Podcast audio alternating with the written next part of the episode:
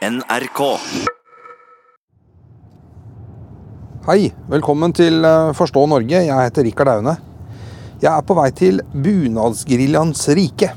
Jeg skal møte Ingunn Hopmark, som er gravid og bor på øya Smøla utafor Kristiansund. Her kjempes det med nebb og klør mot sentralisering av fødetilbudet. I flere tiår har det vært eh, heftige diskusjoner her i landet om hva som er det beste for mor og barn.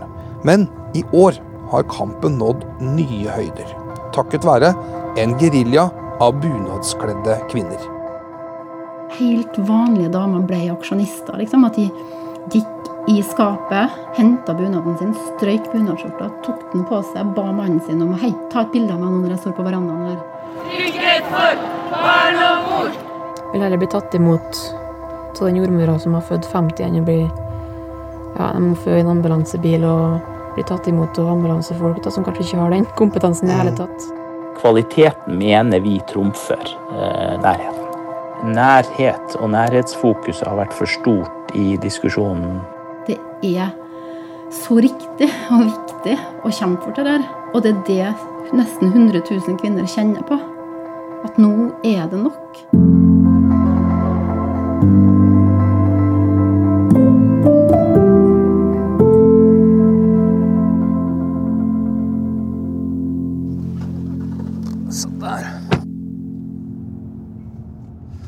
Når du kjører fra Smøla, ehm, eh, og når du da skal føde, hvor, hvor mange ferjeturer blir det på deg da? Nei, hvis jeg må ta ferge òg, så blir det to stykk. Ja, du sier hvis. Ja, uh, som regel så uh, Hvis det haster litt, Mm. så fer vi jo med øyevakt, ambulansebåten vår. Å ja. Og da tar det kanskje en 40 minutter, kanskje, fra Smøla og inn til, inn til Kristiansund, da, og noen minutter opp til sykehuset. Men hvis det ikke var Kristiansund du skulle til, da? Nei, hvis jeg skal dra til Molde, så har det jo gått fort eh, kanskje litt over to timer fra hjemmefra til, til Molde, da. Ja. Selvfølgelig hvis det har vært fint vær og ja, alle forholdene ligger til rette for det. Ja. Men hvis det hadde vært hast da, hva hadde skjedd da? Nei, da måtte jeg fare med ambulansebåt inn til Kristiansund, og ambulanse fra Kristiansund til Molde, da. Mm. Hvor lang tid hadde det tatt? Nei, litt over to timer, kanskje. Men hvis det hadde vært dårlig vær, så hadde det tatt lengre tid med ambulansebåten. Ja. Første fødsel nå, så var det jo ei høstnatt. Vannet gikk, og det var fire uker for tidlig. Oi. Blåste det jo ganske godt. Da for vi inn med ambulansebåten til Kristiansund. Men nå er jo fødeavdelinga Kristiansund heldigvis åpen i desember når jeg skal fø. Så du rekker det akkurat? Ja, saken er i hvert fall utsatt til våren, etter som jeg forsto det. Her nærmer vi oss ferjekaia. Ja. Hei. Hvor mye koster eh, ferja? Én En bil er 117. Ja.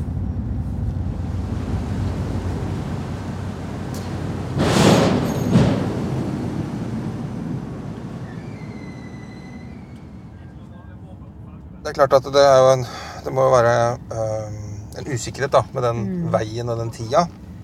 Uh, men det er jo også uh, Det blir jo også sagt da fra, fra legehold at uh, at eh, det også har viktighet med, med, med at du kommer til et sted hvor det er folk som virkelig har mye mengdetrening. Og som virkelig eh, har valgt borti eh, det som er av ja, komplikasjoner og Ja, jeg skjønner jo det, men eh, det er god kompetanse på fødeavdelinga i Kristiansund, og det er trygt å være der. Fordi jeg har snakka med uh, noen fagfolk, da, og, de, og det er jo det som går igjen da av de som, uh, som, som snakker varmt for, uh, for sentraliserte fødeinstitusjoner. De sier det at eh, det å ta imot 300-400 barn i åra, det gir en mengdetrening som er helt unik, framfor det å ta imot 100 eller 150. Ja, nei Skal man bli en god fotballspiller, så må man trene mye. Ja, ja, jeg skjønner jo det, men uh, så vidt jeg vet, så har de ikke hatt mye problem uh, på fødeavdelingen i Kristiansund heller. Nei. Så jeg skjønner jo det hvis man bor nærmere sykehuset, at det er en fordel Men for oss da, som bor helt ute i utkantstrøk, så betyr det mer å komme fram til sykehuset. Men Kunne du ikke bare bodd i nærheten den siste uka, da? Nei, men først før eh, fire uker for tidlig, da, som jeg gjorde sist, så Du vet jo aldri når det skjer. Det var jo det som var forslaget, at jeg kunne få et hotellopphold da, i Molde uka før termin. Men eh, hva hjelper det da hvis du får en måned for tidlig? Men de sier, jo, de sier jo på mange måter at det, dere vet ikke deres eget beste når dere sier nei til et eh, topp moderne fag, faglig tilbud på et stort uh, sykehus. Ja. Jeg vil heller rekke fram til fødeavdelinga. Men, men hva tror du de tenker? Tror du, altså, tror du virkelig de mener det, eller tror du de bare sier det? Nei, jeg tror de bare sier det. Tror du det? Ja. Helt sikkert. Hvorfor det? Nei, for å slå sammen sykehus, kanskje spare litt penger Ja. Men hva hvis det skjer en komplikasjon da, som, som kanskje Kristiansund bare har opplevd en gang de siste tre åra, liksom? Ja, det blir noe fløy vi gjør da med helikopter. Sikkert enten til, nei, til Trondheim eller Ålesund, ja. Jeg bare tenk på at det, om, om man går og tenker litt på det også. Altså, det er jo fordeler og ulemper med begge modellene, liksom. ja. Nei, jeg har ikke tenkt på det i det hele tatt. Uh, egentlig. når, jeg regner, når jeg kommer på fødeavdeling, så regner jeg jo med at de, at de er trygge hender, og at de vet hva de skal gjøre. Mm. Det er jo leger der som hjelper til, og ja, det er jo et skikkelig bra sykehus. Hvis du har valget mellom å ta, å ha en jordmor som har tatt imot 50 barn, eller en jordmor som har tatt imot 250 barn siste året Nei. 50 hvis du er nærmere der jeg bor. Vil heller bli tatt imot av den jordmora som har født 50, enn å bli Ja, de må få en ambulansebil og bli tatt imot av ambulansefolk da, som kanskje ikke har den kompetansen i det hele Mm. tatt. Ja, For hva er trygghet for deg nå, da? Nei, det er å komme seg til Kristiansund når fødselen starter. Det er ikke Ja, det er utenkelig å skal reise til, til Molde, da, for å fø.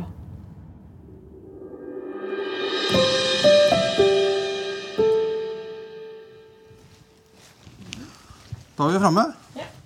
Da får du ha lykke til på kontrollen. Takk for det.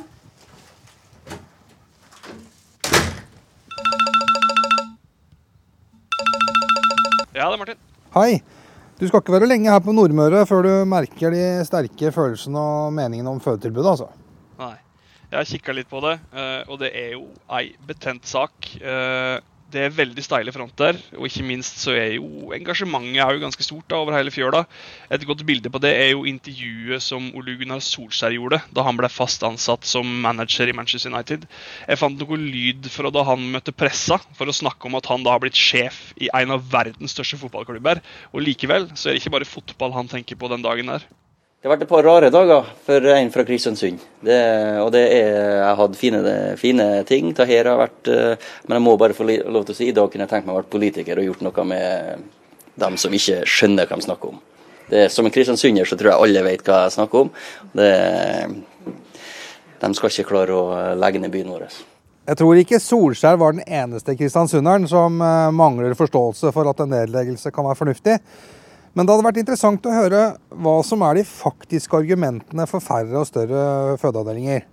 Ja, jeg skal prate med Norsk gynekologisk forening, så de har nok en del tanker om det. altså. Ja, Det er bra, men én ting til. Hadde det vært mulig å finne en eh, helt nøytral fagperson som kan gi et svar på hva som er tryggest, altså for mor og barn? En, en person som begge sider i diskusjonen har tillit til? Ja, jeg skal se at jeg får til.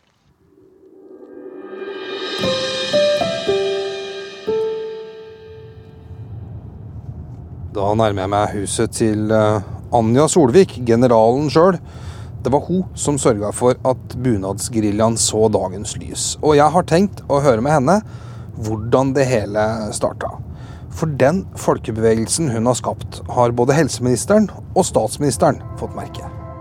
Trygghet for barn Siden 1. april så har vi greid å etablere et grasrotopprør. Og nå har det altså spredt seg over hele landet. Bunadsgeriljaen tar det i dag 70 000 medlemmer, og det er på seks uker. Det er ikke helt sikkert at dere eh, tror meg nå, men jeg er faktisk eh, veldig glad for å treffe dere her i dag. kommer jo Erna hit eh, for å se sjøl med egne øyne hvor utrolig viktig det er for eh, et helt samfunn at de mindre sykehusene får bestå. Jeg har med en presang fra Kristiansund, Ja. fra Gullsmund hjem.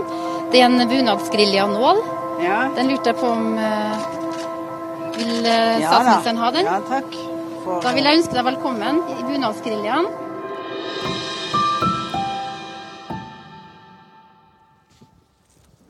Hei!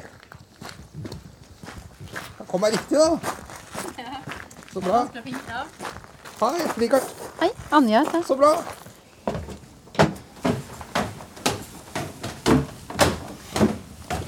Står jo gjerne opp og, og setter meg ned og jobber. Og så, og så etter frokost så bruker jeg å ta på meg bunaden, da. Hver dag? Eh, ja, altså den eh, Det lengste partiet jeg har gått med bunad hver dag, var fra 3. april øh, og frem til sommerferien. Altså tre måneder og tre dager i strekk. Altså Tanken har vært at jeg går i bunad frem til at fødeavdelinga i Kristiansund er berga. Og oppgaven har jo vokst. Sånn at i og med at det har spredt seg til hele landet, så har jo oppgaven min også Eller jeg har vokst med oppgaven. Eh, Sånn at eh, jeg, jeg tenker at målet er å endre fødselsomsorgen på landsbasis. Vil du ha litt kaffe? Ja, det hadde vært godt. Setter meg ned her, jeg. Gjør det. Jeg starter alltid dagen med den her. Der kommer. Hver dag. Vad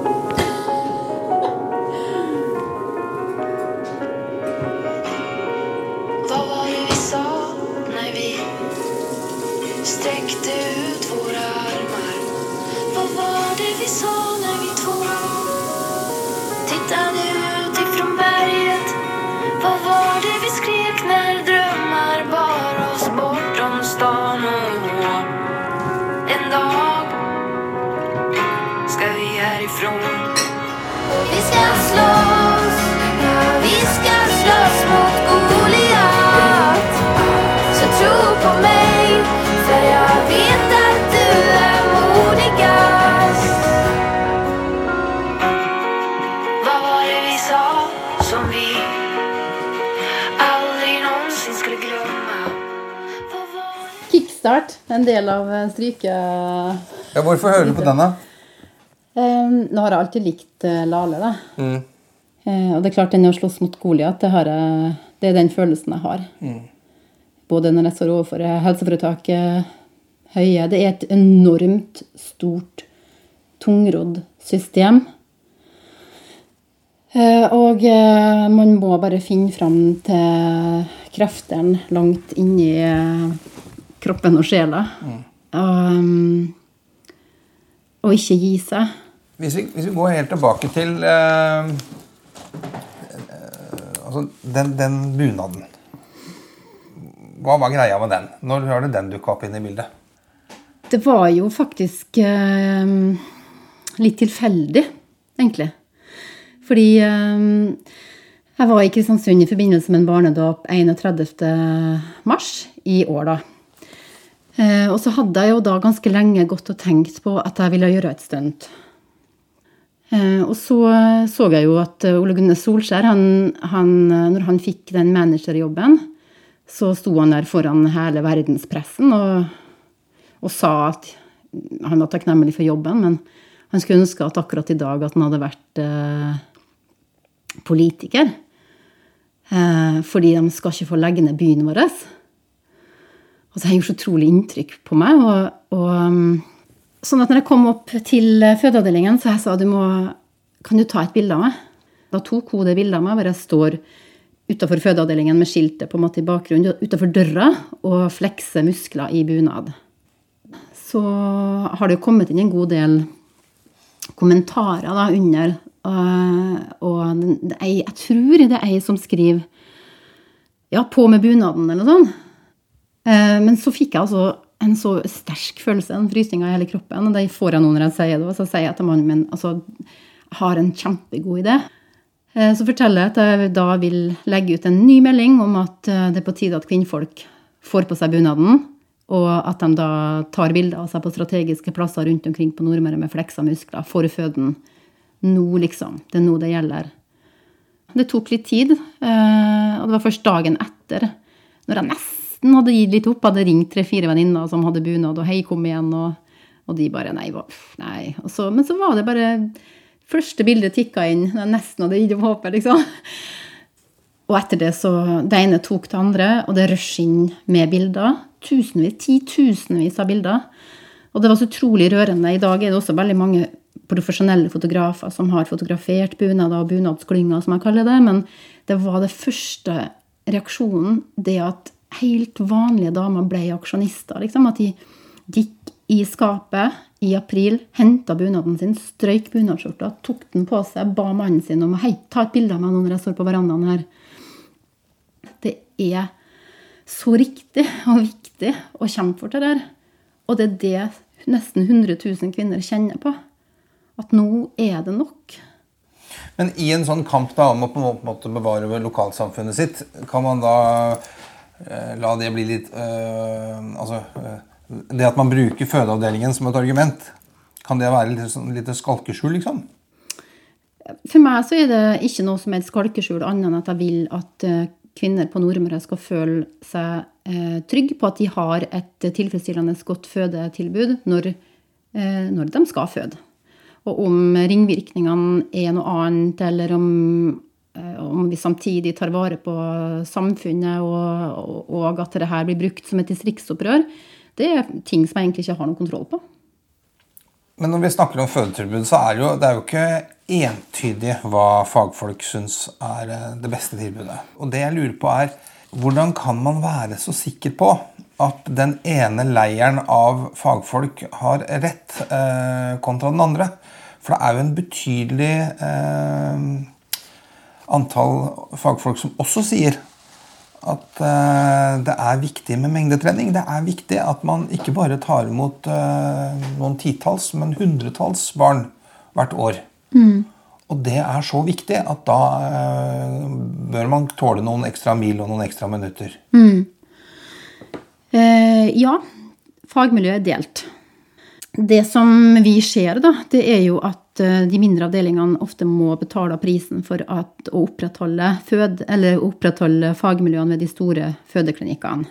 Og så er det ikke ensbetydende med at tilbudet, helsetilbudet som vi får, er noe særlig bedre fordi man samler fagmiljøet. For man må huske på det at fødselsomsorg er mye mer enn bare å forløse det barnet.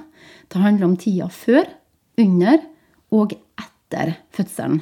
Sånn at de store kvinneklinikkene er bygd for syke kvinner som skal føde syke barn. Og der er vi uenige. En fødsel er stort sett av friske kvinner som trenger å være i flow, som trenger å være i en, i en trygg fødesituasjon.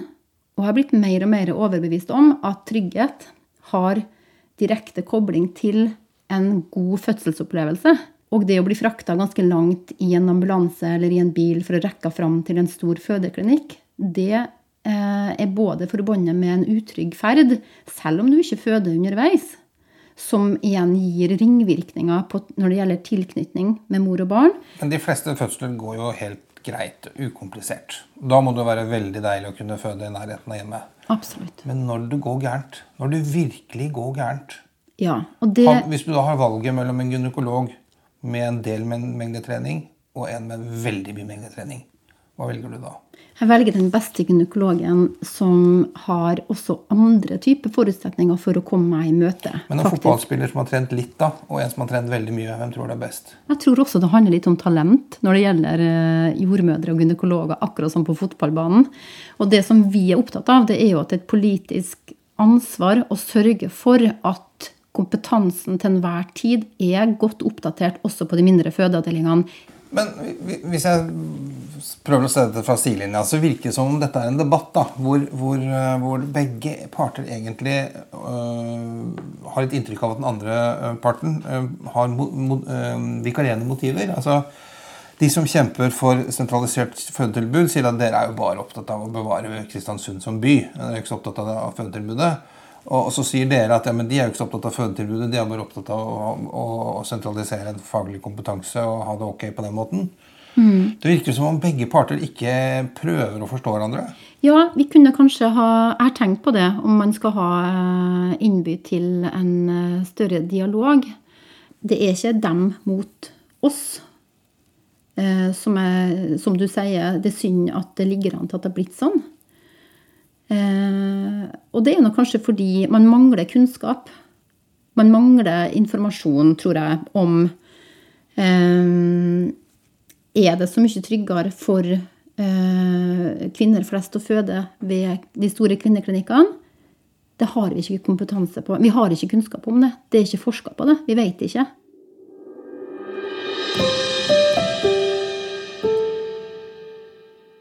Debatten om trygghet i fødetilbudet har rasa lenge. Eh, Nils Halvdan Morken, du er leder i Norsk gynekologisk forening.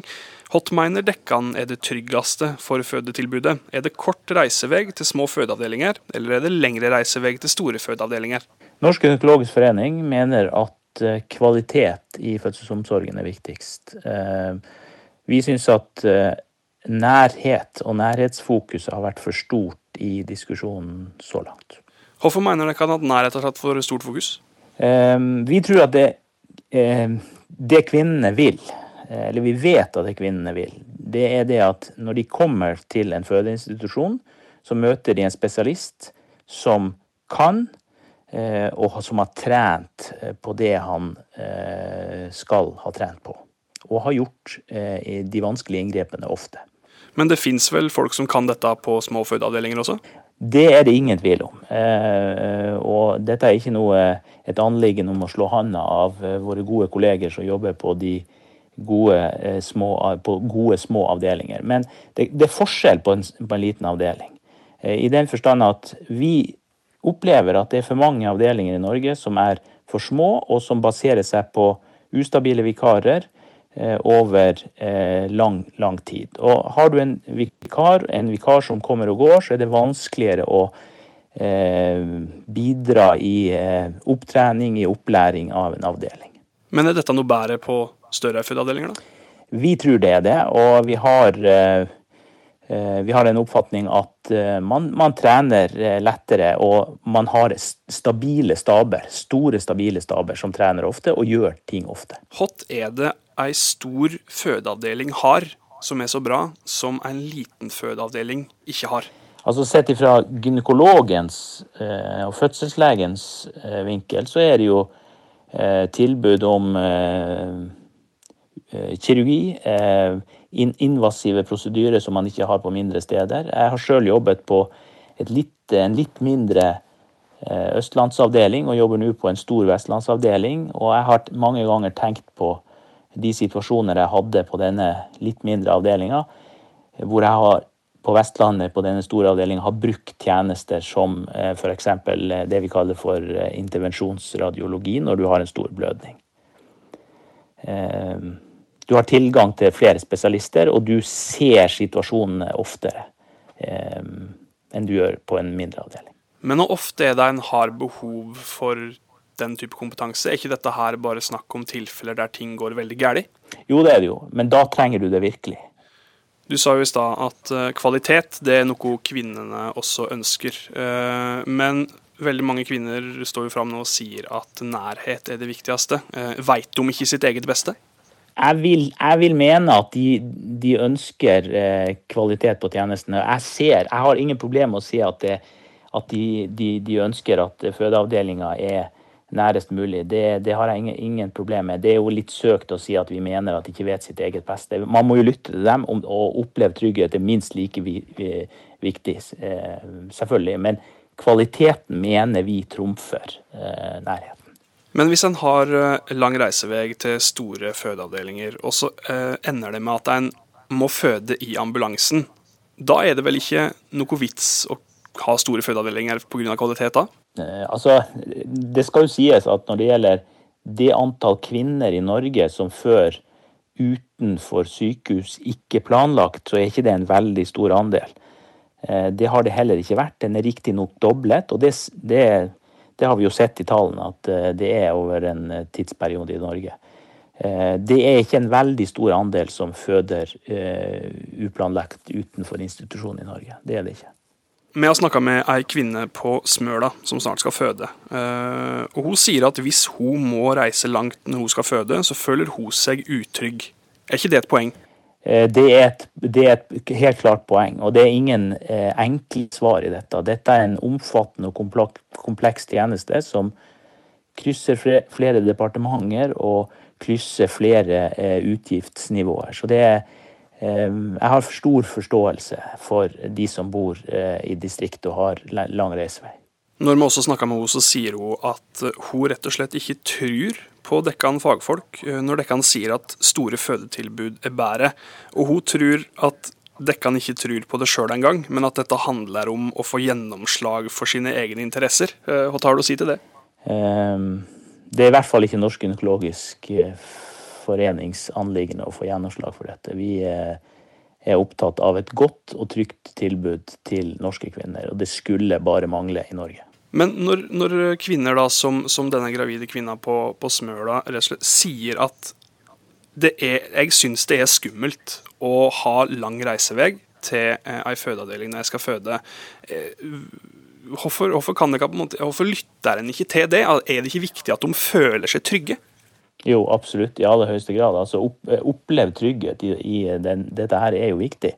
Eh, jeg tror jo at hvis man da visste, når man bor langt fra en avdeling, eh, flere timers transport, så, så tror jeg at hvis man visste at det var en jordmortjeneste, det var en jordmor som kunne følge deg til fødeavdelinga når det måtte være på døgnet, eh, så tror jeg det ville hjelpe på tryggheten.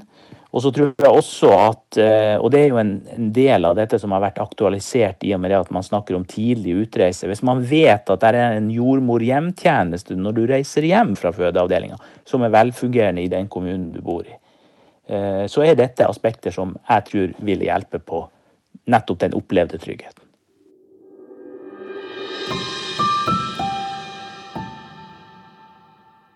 Nå har vi hørt fra begge sider i denne debatten, og i arbeidet med denne episoden så har vi hele tida hatt lyst til å finne noen som kan snakke om saka fra et helt nøytralt standpunkt, og kanskje til og med gi oss et fasitsvar på hva som er tryggest av små og store fødetilbud. Vi tok derfor kontakt med faktisk.no. Det er en ideell organisasjon og en uavhengig redaksjon som faktasjekker samfunnsdebatten i Norge.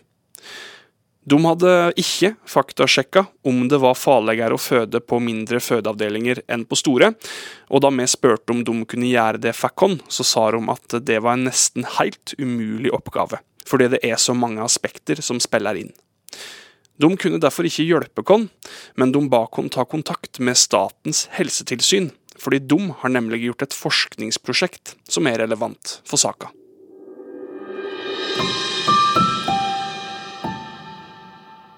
Lars Johansen, du er seniorrådgiver i Statens helsetilsyn og er spesialist på fødselshjelp og kvinnesykdommer.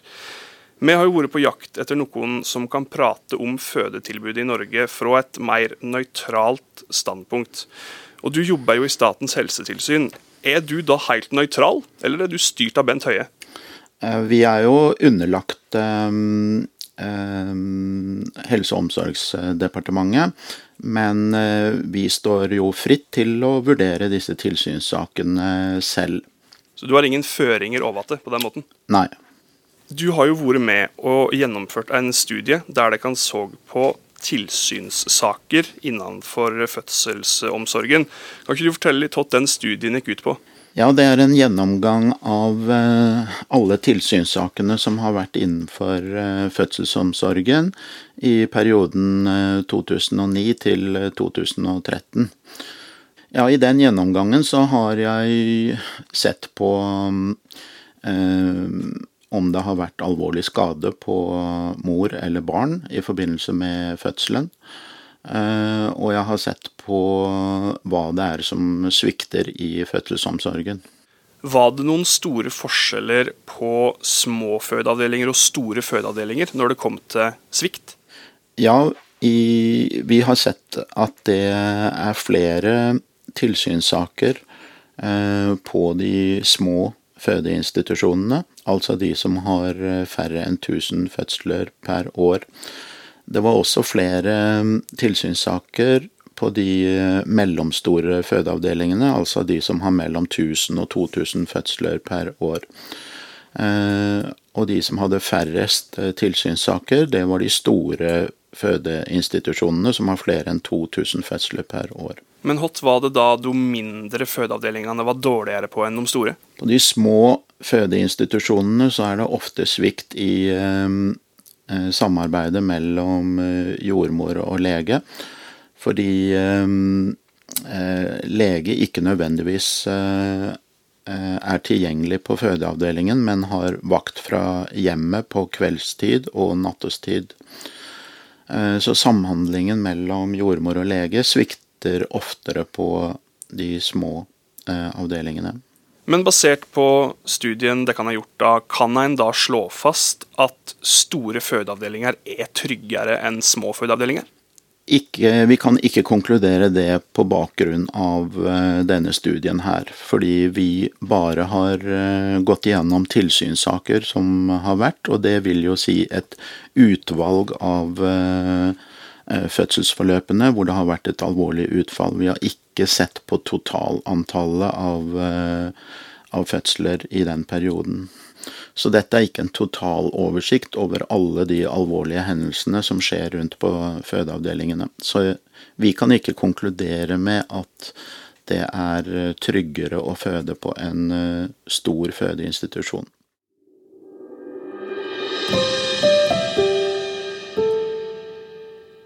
Opplever jo at jo mer jeg jobber med det her, så blir jeg bare mer og mer overbevist da, om at det her er så riktig å kjempe for. Um, og um, Men tror du du kommer til å klare det? Å endre norsk fødsel... Ja, ja, det tror jeg. Men hva er det som gjør at du tror at du vil lykkes? Det er mer en sånn veldig sterk følelse fra første muskelflex Eh, og til, eh, til nå det er, det er, mer en, nesten som en intuisjon på at det kommer til å gå. Eh, jeg mener å kunne se at sentraliseringspolitikken når det gjelder fødetilbudet, har nådd et ordentlig metningspunkt. Og den krafta fra oss som er med i bunadsgeriljaen, den blir jo bare sterkere og sterkere, og vi blir jo flere og flere hele, hele tida. Vi er en grasrotbevegelse lagd av folket, for folket, nettopp fordi de ville protestere eh, mot et vedtak som føltes eh, så feil, og at det er, vi har oppstått som følge av at det har blitt en avstand mellom politikere og grasrota, oss, da, folket.